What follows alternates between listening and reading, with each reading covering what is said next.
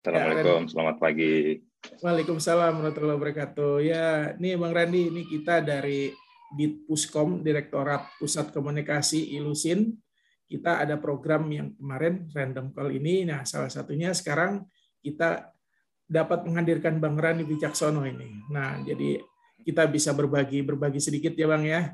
Apa siap, saja siap. yang bisa kita sharing-sharing, apa yang kita bisa obrolkan pagi ini. Nah, sebelumnya gimana Bang Randy ada yang bisa uh, disampaikan dulu perkenalan ya, perkenalan sedikit buat teman-teman yang mendengarkan bagaimana sekarang sibuknya di mana aja nih bang? Iya, assalamualaikum, selamat pagi semuanya. Uh, nama saya Randi, saya uh, teknik mesin 2008. Uh, saat ini uh, posisi saya di Riau. Oh, saya iya. bekerja di sebagai drilling and completion engineer untuk Pertamina Hulu Rokan baru Terminal Agustus ini. Ya, Iya. Sebelumnya dikenalnya Chevron mungkin ya, kalau oh, iya. kawan-kawan lebih familiar. Ya sebelumnya di Chevron, sekarang namanya hmm. jadi Pertamina Hulu Rokan. Ya, itu ya. Bang Iskar. Oke. Untuk gambarannya nih, ini banyak teman-teman juga mungkin ada beberapa yang sudah tahu tapi juga yang belum. Kira-kira kalau sebagai drilling engineer itu apa aja sih bang yang dikerjain bang? Ini kan ya, wah sebenarnya uh, literally kerjaan kita uh, secara objektif garis besarnya prepare prepare project. Kalau hmm. dibilang scope pekerjaannya mungkin kalau misalkan uh, banyak juga saya yakin kan uh, kawan-kawan semua tuh yang pernah jadi project engineer lah kalau kita yeah. bisa bilang secara garis besarnya kurang hmm. lebih sama. Kita maintain proses itu dari fase nol, fase project, dari mulai planning, nol ya bang ya. Budgetingnya, terus yeah. kita eksekusi, terus nanti juga pas kita closing dan juga reporting dan uh, pertanggungjawabannya nanti ke negara kalau misalkan ada kayak isu-isu seperti bahasanya apa ya miss target atau uh, miscalculation cost-nya segala macam. Jadi sebenarnya kalau secara garis besar sih sama aja, cuman mungkin uh, detailnya aja mungkin yang berbeda. Kurang lebih gitu sih. Iya iya iya. Oh gitu ya.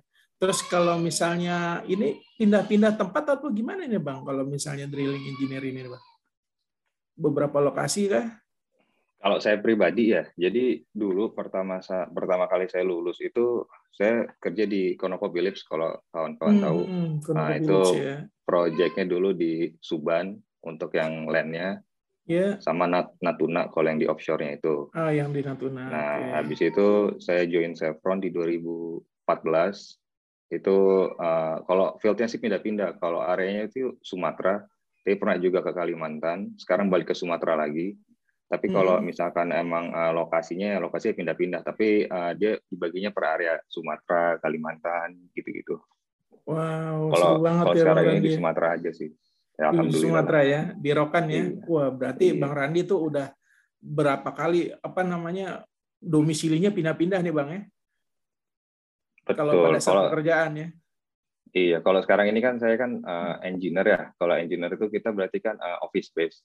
Di office Sebelumnya itu ya. sempat jadi company man kayak uh, walkover atau drilling supervisornya itu hmm. baru kita benar-benar pindah-pindah. Kerjanya wow. itu kayak dirik itu kalau kayak gitu. Seperti tengah dirik, laut, ya? tengah hutan, iya betul. Wow, nah itu luar biasa ya pengalaman. Nah ini juga sekalian mau nanya-nanya dikit nih bang kalau misalnya Bang Rani itu pernah bekerja yang di tempat-tempat yang jauh dari pemukiman, terus juga yang sampai di rig, di offshore seperti itu, ada nggak Bang hal-hal yang seru atau nggak pengalaman-pengalaman yang jarang kita tahu gitu Bang? Boleh Bang diceritain Bang? Banyak aneh-aneh sebenarnya. Apalagi gini Apa aja tuh Bang? Waduh. Kalau biasanya kita hidup di tengah kota gitu ya, uh -huh. sekalinya kita benar-benar kerja nih ditaruh di tengah hutan yang literally hmm. lu tuh nggak kenal siapa pun dan nggak tahu siapa pun gitu kan iya iya iya itu yang namanya pengalaman-pengalaman dari yang hidupnya itu gimana ya ya keras itu bukan keras dalam artian gimana cuman hidup lu tuh harus benar-benar kuat banget strong banget dan yang aneh-aneh dari namanya masalah teknikal logis yang mistis-mistis ada aja iya iya wah pasti yang, ketemu bener, aja yang kayak gitu-gitu ya bang ya apalagi kalau misalkan kayak kita tuh kerja di tengah laut gitu. Uh-uh. Itu yang namanya kalau lagi di tengah laut tuh. Sekuat-kuatnya orang, sepreman-premannya orang di jalanan yang aku begini, yeah, begitu, yeah. begini, begitu. Coba bawa ke laut, nggak usah pulang dua bulan. Nangis-nangis tuh orang. Jadi jadi beda loh. Maksud gue kayak kalau misalkan kayak lu kerja tujuan lu tuh ngapain hmm. emang beneran lu mau kerja atau enggak itu kelihatan nanti terus mental mental ya. orang asli itu kelihatan ini orang di tengah laut ya, gitu ya tiba-tiba ya apalagi kalau misalnya ada badai kali pak pernah ngalamin badai gitu nggak pak pernah waktu itu di Selat Makassar wow. jadi bener-bener helikopter nggak bisa hmm. boot juga nggak bisa ngerapat itu badai gede banget dua minggu yeah, itu iya, iya. benar-benar nggak bisa ngapa-ngapain kita hmm. jadi Luar itu biasa. literally di kapal itu kan kita kan tidurnya kan di kapal kan ya Uh-huh. Nah, terus kalau dia itu kan jangan, jangan bayangin kalau fasilitas kapal itu sama kayak darat. Semua itu yeah, iya, benar-benar yeah, yeah. compact, benar-benar sempit, minimalis lah, dan betul, op- betul. optimize banget lah loh untuk pemanfaatan ruangnya itu. Hmm. Jadi lu, lu itu tidur sekamar itu berempat, satu tempat tidurnya itu atas bawah kan. Wow, itu kalau namanya lagi kayak badai, asrama gitu jadinya bang ya? Model iya, gitu lu ya? kalau namanya lagi badai berdiri aja nggak bisa. Ya namanya lu tidur di atas ke goyang jatuh ke bawah itu udah biasa. Berarti di atas pada muntah-muntah. Kebersamaannya juga makin kenceng tuh Bang Randy ya. Oh iya. Ya, maksudnya karena kan kalau prinsip dasarnya gini, kalau kita ngomongin safety ya, terutama uh. kalau misalkan kayak kita di tempat-tempat yang kritikal atau jauh dari mana-mana. Sebenarnya hmm. keselamatan kita tuh bukan kita yang megang. Jadi hmm. kita tuh kayak kayak safety itu kayak chain keselamatan lu itu dipegang sama rekan lu, rekan lu itu dipegang hmm. sama lu. Jadi saling yeah, muter. Yeah, yeah. Kalau kalau mata rantai itu putus satu, itu akan ngeganggu dan ngancam satu sistem. Betul, betul, betul. Makanya kayak kesadaran lu atas keselamatan, kerjaan lu tuh apa, role lu tuh di situ sebagai apa sih? Tugas hmm. lu ngapain sih? Itu tuh harus benar-benar bisa lu pegang dan lu jalanin banget. Iya, iya, iya. Jadi kalau misalnya seperti itu, safety itu benar-benar berperan ya Bang ya. Kita Betul. udah melaksanakan safety, tapi kalau yang lain tidak melaksanakan safety tersebut, itu bisa berantakan juga ujungnya ya. Benar. Apalagi kalau di pekerjaan-pekerjaan yang bisa dibilang kayak tempat saya yang kebetulan ya, uh, oil and gas yang di lapangan, itu yeah. kan kita bicara semuanya itu kan besi, barang-barang berat, tontonan. Nggak ada yang barang itu dari karet atau plastik satu tindakan kecil aja yang miskalkulasi atau gimana itu nyawa. Saya pernah ngalamin uh, kru saya itu sendiri tuh ya kayak uh, ngalamin accident lah yang tangannya tuh sampai kepotong hilang. Terus sampai yang wah itu pokoknya kayak gitu-gitu tuh banyak lah. Cuma itu bukan gara-gara masalah besar cuman gara-gara one simple mistake yang kadang-kadang kita nggak bisa bilang mistake juga sih. Sesuatu yang yang kita tuh nggak bisa kontrol kadang-kadang cuman emang pas lagi aja kayak gitu kan. Jadi kalau misalkan kita pernah uh, belajar ilmu safety uh, tentang bagaimana sesuatu itu bisa terjadi ya kadang-kadang ada satu safeguard yang kita kelewatan. Dan itu impactfulnya itu bukan sesuatu yang kayak remeh-remeh. Salah-salah miss dikit aja ancamannya itu minimal tuh tiga. Pertama tuh pasti masalah keselamatan nyawa yang kedua tuh lingkungan, apalagi kalau misalkan dulu-dulu kan yang top tuh kayak Lapindo Berantas tuh ya, yang sempat blow out nggak selesai-selesai kan. Terus kalau pernah dengar kayak yang dulu uh, kasus Bimo Kondo, yang uh, BP rig-nya itu kan, yang sampai jadi film, sempat jadi film kan tuh kan, saya nggak usah sebutin lah namanya apa. Atau yang ketiga kan pasti uh, impactfulnya itu yang paling sedikit itu impactnya adalah masalah uang. Yeah.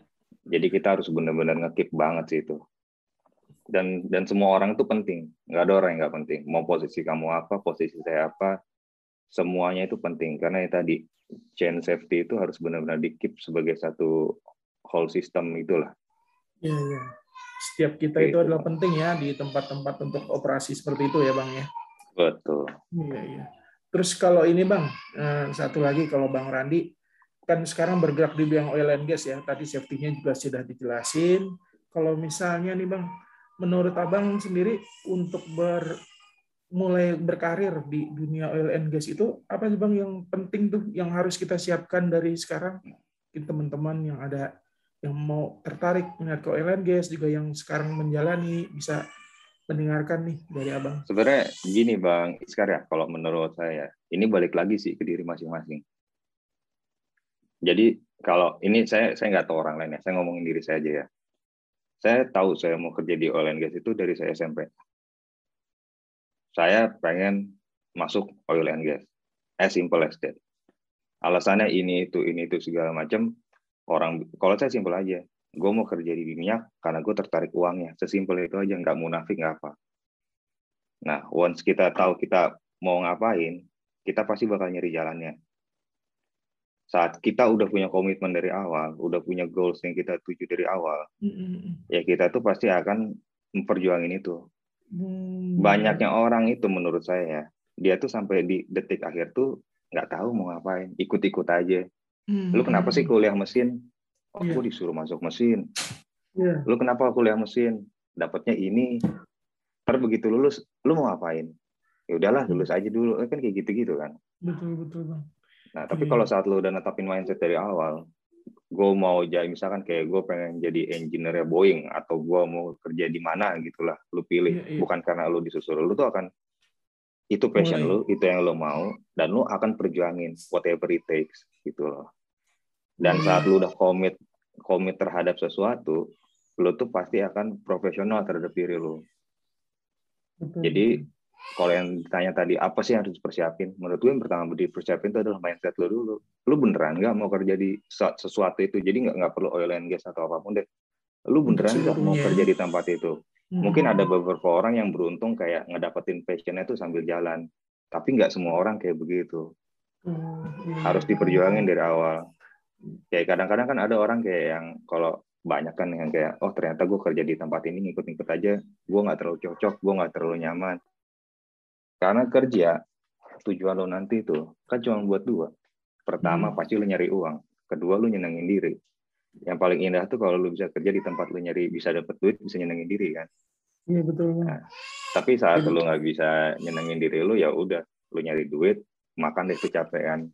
Hmm, betul, nah, betul. gitu-gitu aja. Intinya kan hidup tuh pilihan. Iya, iya, betul. Jadi mulai mulai dari komitmen diri lo. Saat lo udah komit, misalkan kayak gue nantinya pengen uh, kerja misalkan di mana di suatu tempat. Nah ya lo tahu lo kan kayak gimana gimana. Akhirnya semuanya itu akan ikutin wow, pas iya, kuliah ya, ya. pas kuliah gue bakal gimana gimana. Jujur aja gue kuliah juga nggak yang belajar belajar ya belajar lah intinya gue gue profesional lah. Iya, iya, iya. gue tahu kapan main gue tahu hmm. kapan misalkan harus serius. Iya. dan dan lingkungan sih menurut gue yang paling penting sih bang. Iya iya iya. Jadi uh, yang tadi disebutin ya dari awal kita sudah mulai merancang ya. Kita tetapkan iya. dulu apa tujuan kita, apa step-step kita ya bang ya. Iya, mau ke mana, mau, mau ke mananya, langkah-langkahnya apa saja yang tadi dan juga kita harus enjoy ya bang ya. Kita enjoy, enjoy dengan apa bener. yang kita lakukan betul. Jadi love what you do, do what you love seperti itu ya bang ya. Iya. Prinsipnya ya jadi keberhasilan juga dari kita seperti itu dan juga kita bisa menikmati pekerjaan gitu. Itu apa? Gitu ya bang ya. Terus Benar kalau bisa, uh, uh, uh. yang disuka dari yang sekarang di bidang ini apa aja nih bang? Yang sekarang Maksudnya dikerjain yang yang sekarang sedang dilaksanakan nih yang di pekerjaan saat ini yang menurut bang Randi yang disuka apa? Kalau dari dulu tuh basicnya saya tuh suka interaksi sama orang ya. Oh, interaksi, interaksi sama ya. orang baru. Terus dari zaman zaman sebenarnya gini loh, kalau kita kita anak mesin itu, kita kan hmm. bisa dibilang kan capnya kan tukang main segala macam kan dari dulu kan. Justru menurut menurut menurut saya itu kita jadi lebih luas. Iya iya iya. Karena nanti at the end saat lo kerja, sepinter apa pun lo kalau lo nggak bisa kerja sama sama orang, lo nggak bisa komunikasi, lo tuh egois, nggak support segala macam, bakal susah karena ilmu lu juga mau lu nanti dokter kayak apa kayak segala macam begitu masuk ya lu akan learn from zero ya nggak zero zero amat tapi ya scratching lagi lah. Dan itu tuh lu butuh orang. Ya ya. Jadi ya itu itulah yang harus di ini banget. Supel jangan jangan pelit ilmu. Mm-hmm. jangan jangan intinya saat lu nolong orang lu pasti akan ditolong orang. Iya, iya, oke. Berarti selain kita juga menambah hard skill kita, soft skill kita juga terus harus diperbaiki terus ya Bang ya.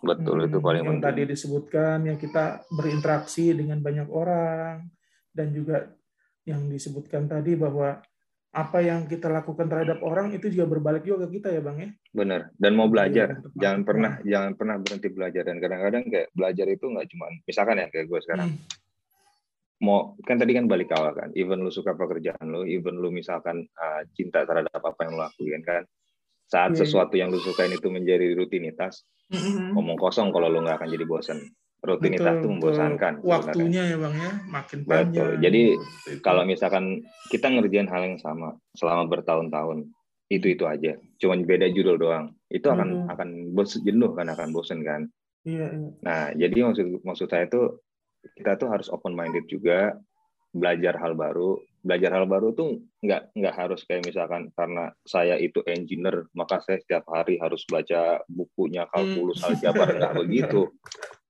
pelajarin hal yang benar-benar opposite dari daily activity Hmm. Misalkan kayak tiba-tiba lu ternak cupang kayak lu miara kura-kura kayak terus lu baca iya. buku ter, baca majalah terupus kayak maksud gue yang yang kayak gitu-gitu tuh ngasih warna dan ngasih kita relax. Kan kalau ngomongin material kan kalau lu stres terus lu tekan terus kan lama-lama kan bisa pecah juga kan. Kasih napas lah itu. Jadi explore diri ya lu belajar-belajar hal yang baru, belajar agama lah apa segala macem. Itu juga penting buat nyari ketenangan diri. Tanggung jawabnya yang, yang makin naik kok. Cuman secara kompleksitas dan apa ya moreover kurang lebih gitu-gitu aja sih. Terus ada lagi nih bang. Hmm, kalau misalnya nih kita uh, boleh ya berandai-andai nih kalau misalnya abang diberi kesempatan nih untuk berbicara kepada diri abang sendiri pada waktu masih kuliah kira-kira. Kira-kira bang Randi itu mau kasih tahu kayak gimana sih ke Bang Randi yang dulu gitu pada saat kuliah gimana Bang Abang? Uh, lebih apa ya nikmatin aja waktu yang lu punya. Karena waktu itu tuh nggak akan bisa ngulang lagi. Dan setiap hidup tuh kan ada fasenya kalau misalkan gue harus berbicara dengan diri gue di fase gue yang kuliah kurang lebih lima tahun itu di Depok mm -hmm. ya gue akan cuman bilangnya lu udah di track yang benar, apa yang lakuin itu udah benar, coba lebih nikmatin lagi aja. Iya, iya. Jadi nggak nggak nggak usah terlalu terburu-buru terhadap satu hal, tapi jangan juga lu lama-lamain. Setiap fase hmm. hidup lu itu lu pasti punya value yang berbeda dan hmm. punya goals yang berbeda. Nanti lu akan ada shifting waktu kok fase lu kuliah, fase lu kerja, berkeluarga, bla bla bla and so on so forth dan lain-lain. Jadi di setiap fase itu ya lu nikmatin aja. Dan kalau gue boleh pesan ke diri gue ya, dan iya, khususnya yeah, yeah. ke saudara-saudara gue anak mesin di, di di sana ya. Jadi lo harus tahu sebenarnya lo itu apa dan siapa dan apa yang lo mau. Yeah. Ya, lo itu mahasiswa, tapi lo hmm. juga manusia. Iya, yeah, iya, yeah, iya. Yeah. Lo harus bisa ngebalance ini itu, profesional lah.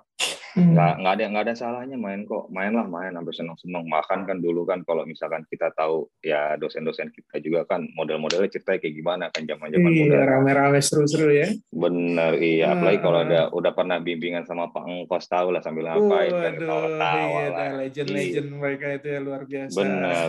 Sama iya, ini tolong jauhin lingkungan yang kalau bahasa anak sekarang tuh toksik Ah, iya iya, toksik ya. Jadi jauhin toksik bukan, ya bang ya. Iya, kalau bahasanya sekarang ya. Jadi kalau dulu itu lu cari lingkungan yang benar-benar bisa mensupport lu. Hmm. Temennya, tem, cari dulu kan enak ya kalau gue ngerasa ya adalah suatu anugerah saat lu tuh bisa kuliah di mesin UI karena hmm. mereka itu even sableng-sableng mereka tuh orang-orang pintar hmm. mereka tuh tahu lainnya kok walaupun kadang-kadang ada satu dua aja yang yang keceplosan lah gitu kan yeah, yeah.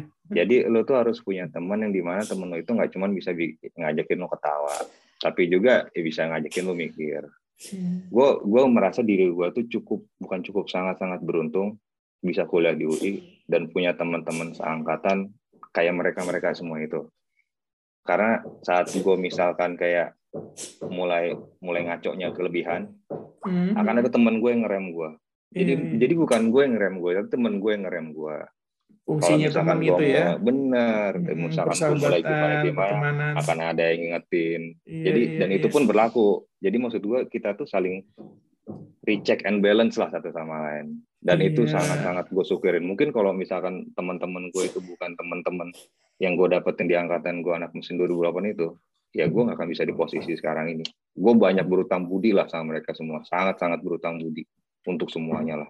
Seperti apa sih bang pesannya bang kalau secara umumnya sih sebenarnya saya tuh kangen banget loh nongkrong lagi sama anak-anak mesin.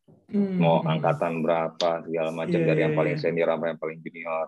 Yeah, yeah, jujur, yeah. jujur, jujur nih bang ya. Kadang-kadang kayak kita kita yang di daerah-daerah gini lah, bukan yang di Jakarta.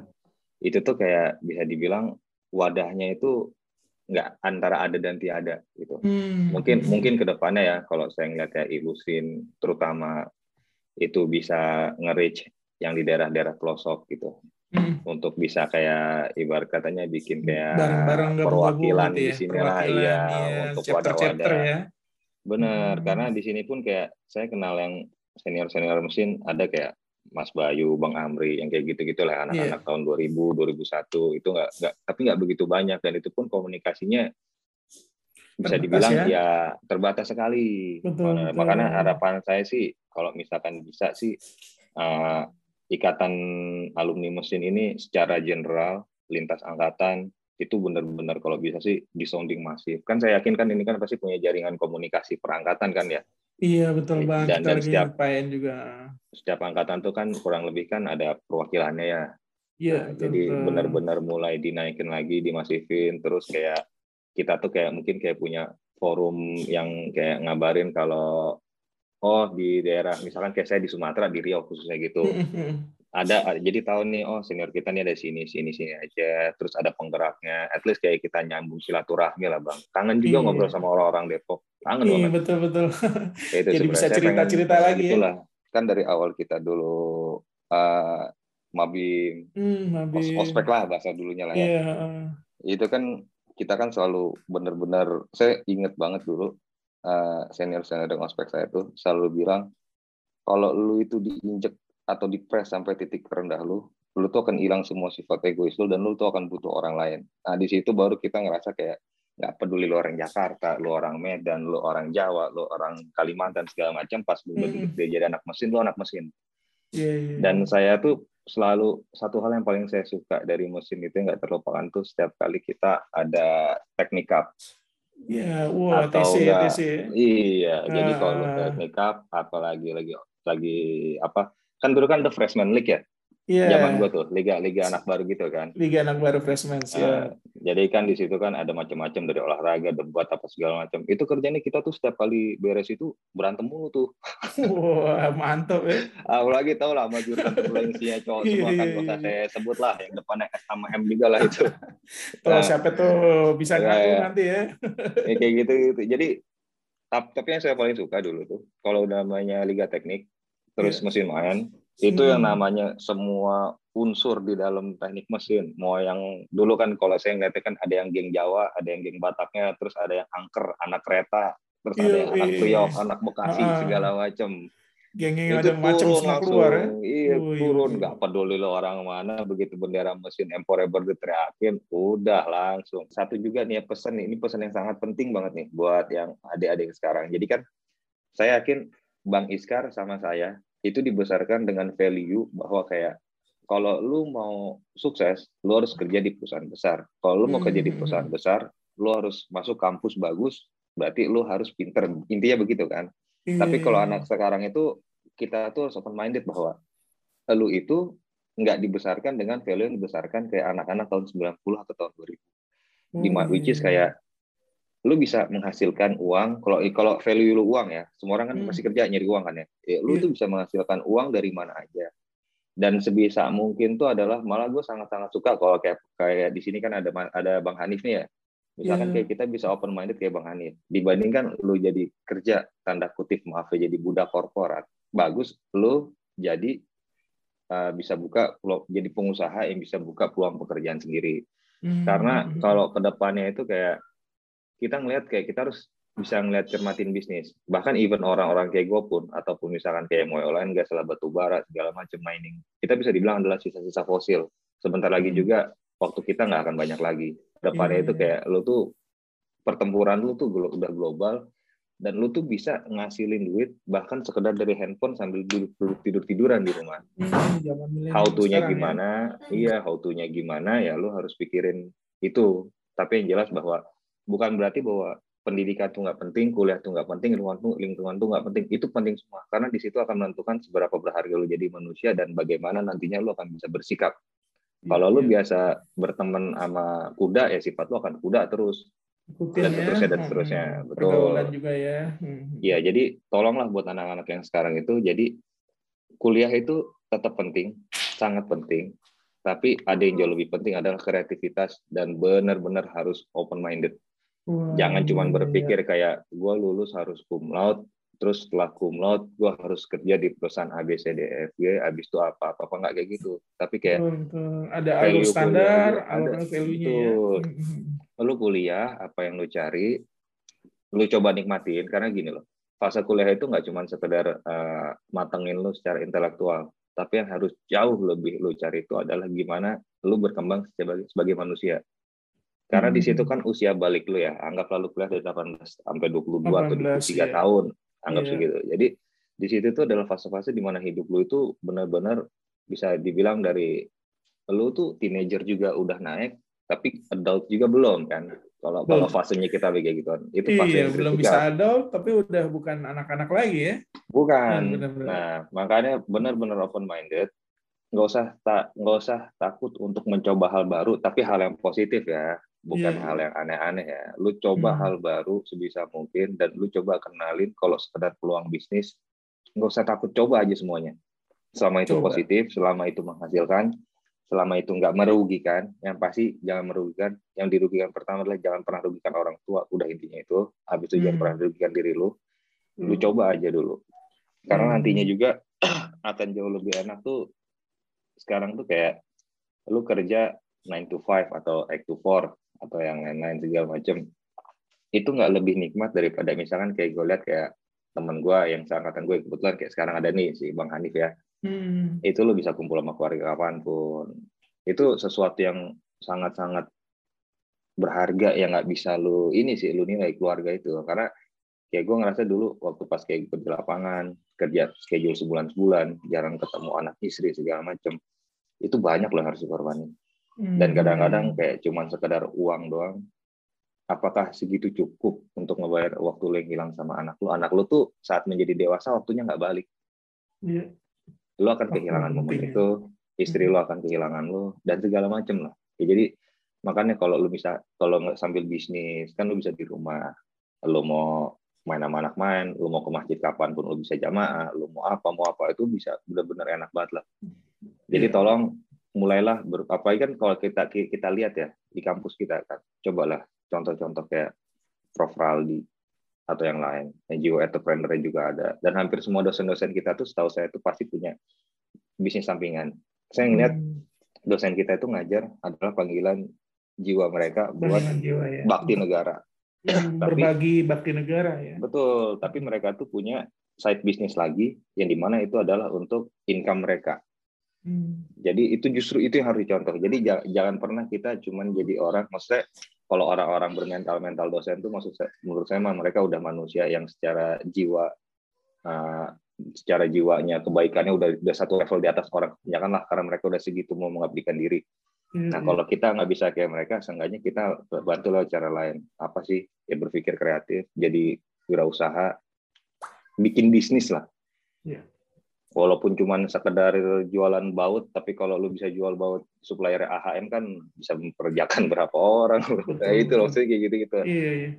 malah wow, kalau saya iya. sekarang sih nah kalau saya sekarang sih yang tadi saya bilang kan kalau misalkan boleh nih ngomong ke diri saya dulu ya lu harusnya be more kreatif andaikan gue bisa ngeliat peluang saat itu adalah gue cukup malu sehingga diri gue sekarang itu yang oh ternyata at the end lu emang berguna tapi lu tuh cuman individual dan ya hanya untuk diri lu sendiri. Makanya kan usia saya kan sekarang masih ya 30-an lah di, di kisaran 30-an itu kan. Yang saya coba lakuin sekarang itu adalah saya kerja tetap fokus karena di situ saya digaji, di situ tanggung jawab hmm. saya dan di situ saya hmm. harus uh, yang satu digaji, ya, lo profesional kan. Ya, Tapi saya tuh mencoba untuk mencoba kerja sampingan yang kayak apalagi nih yang yang itu nanti untuk saya tabungan nantinya dan juga ya. pengembangan diri dan betul, juga betul. untuk kayak bisa nggak sih gue mulai bisnis? Karena jujur kalau misalkan ditanya lu suka kerja nggak? Suka. Tapi lu mau berhenti nggak? Mau. Apa sih yang lu hmm. pengen? Gue pengen pensiun muda dan gue mau financial freedom. Gue nggak mau mikirin kayak ya mau mau mau lu digaji berapapun lu kerja sama orang. Tapi gue tuh pengen kayak satu di satu titik nantinya gue tuh pengen kayak gue pengen gak usah cemas masalah kayak gue harus ngabisin waktu gimana gimana tapi gue bisa matang secara finansial dan itu tuh bukan sesuatu yang kalau di usia sekarang gue mulai itu sebenarnya udah agak telat. Tapi kalau kalian-kalian yang masih mahasiswa gitu umur 20-an coba deh hmm. coba banget. Itu itu saran gue jadi bahkan kayak lu jualan di marketplace atau apalah segala macam lo jadi sekarang tuh pekerjaan yang dulu nggak pernah ada di list. Gue tuh adalah kayak youtuber tuh apa sih? Itu nggak pernah iya, ada lo di list gue jadi tapi saat gue punya temen ya? iya temen gue yang hmm. bener-bener youtuber segala macam modalnya iya. itu wih, gila lu dan dan lagi tapi kontennya konten mendidik ya bukan konten iya, pembodohan iya, iya. ya iya bang betul betul nah abang okay. mau ada titip salam khusus nggak buat teman atau buat dosen atau buat yang lain unsur-unsur yang di mesin. Saya pengen Silakan. banget ngucapin terima kasih sebesar-besarnya sama Prof. Harinaldi. Prof. Harinaldi. Pembimbing itu pembimbing akademik saya. Mm -hmm. Terus Pak Ganjar, Pak Kos, mm -hmm. Pak Wadito, Pak Hendri, mm -hmm. semuanya. Saya pengen terima kasih sama mereka yeah, semua yeah. lah. Benar-benar terima kasih. Mm -hmm. Sip, sip. Terima kasih banyak ya. Itu salam-salamnya semoga nanti kita bisa sampaikan ya Bang ya. Mudah-mudahan juga bisa langsung ketemu nih. Terus kalau ada temen nih yang mau dihubungin buat random call ini mau kasih ke siapa nih kira-kira nih? Ada kesempatan nih. Kita ada program referralsnya. Jadi hmm. yang sebelumnya di random call kira-kira mau dengerin pengalamannya siapa sih kayak gitu Bang? Saya pengen Agung Baso 2005. Agung Baso 2005 ya. Agung Baso 2005. Kayaknya itu sangat dulu, berkesan ini ya. Oh iya, kelas itu, ini. Ya. Pokoknya angkatannya mereka itu dulu yang wah itu the best lah pokoknya.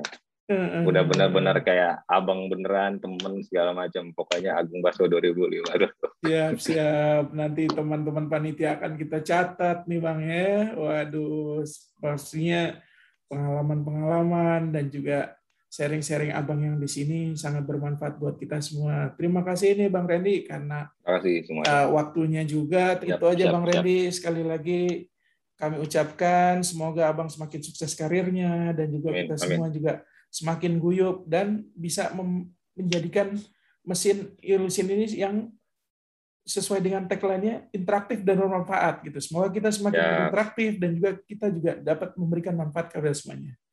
Baik, itu aja dari kami.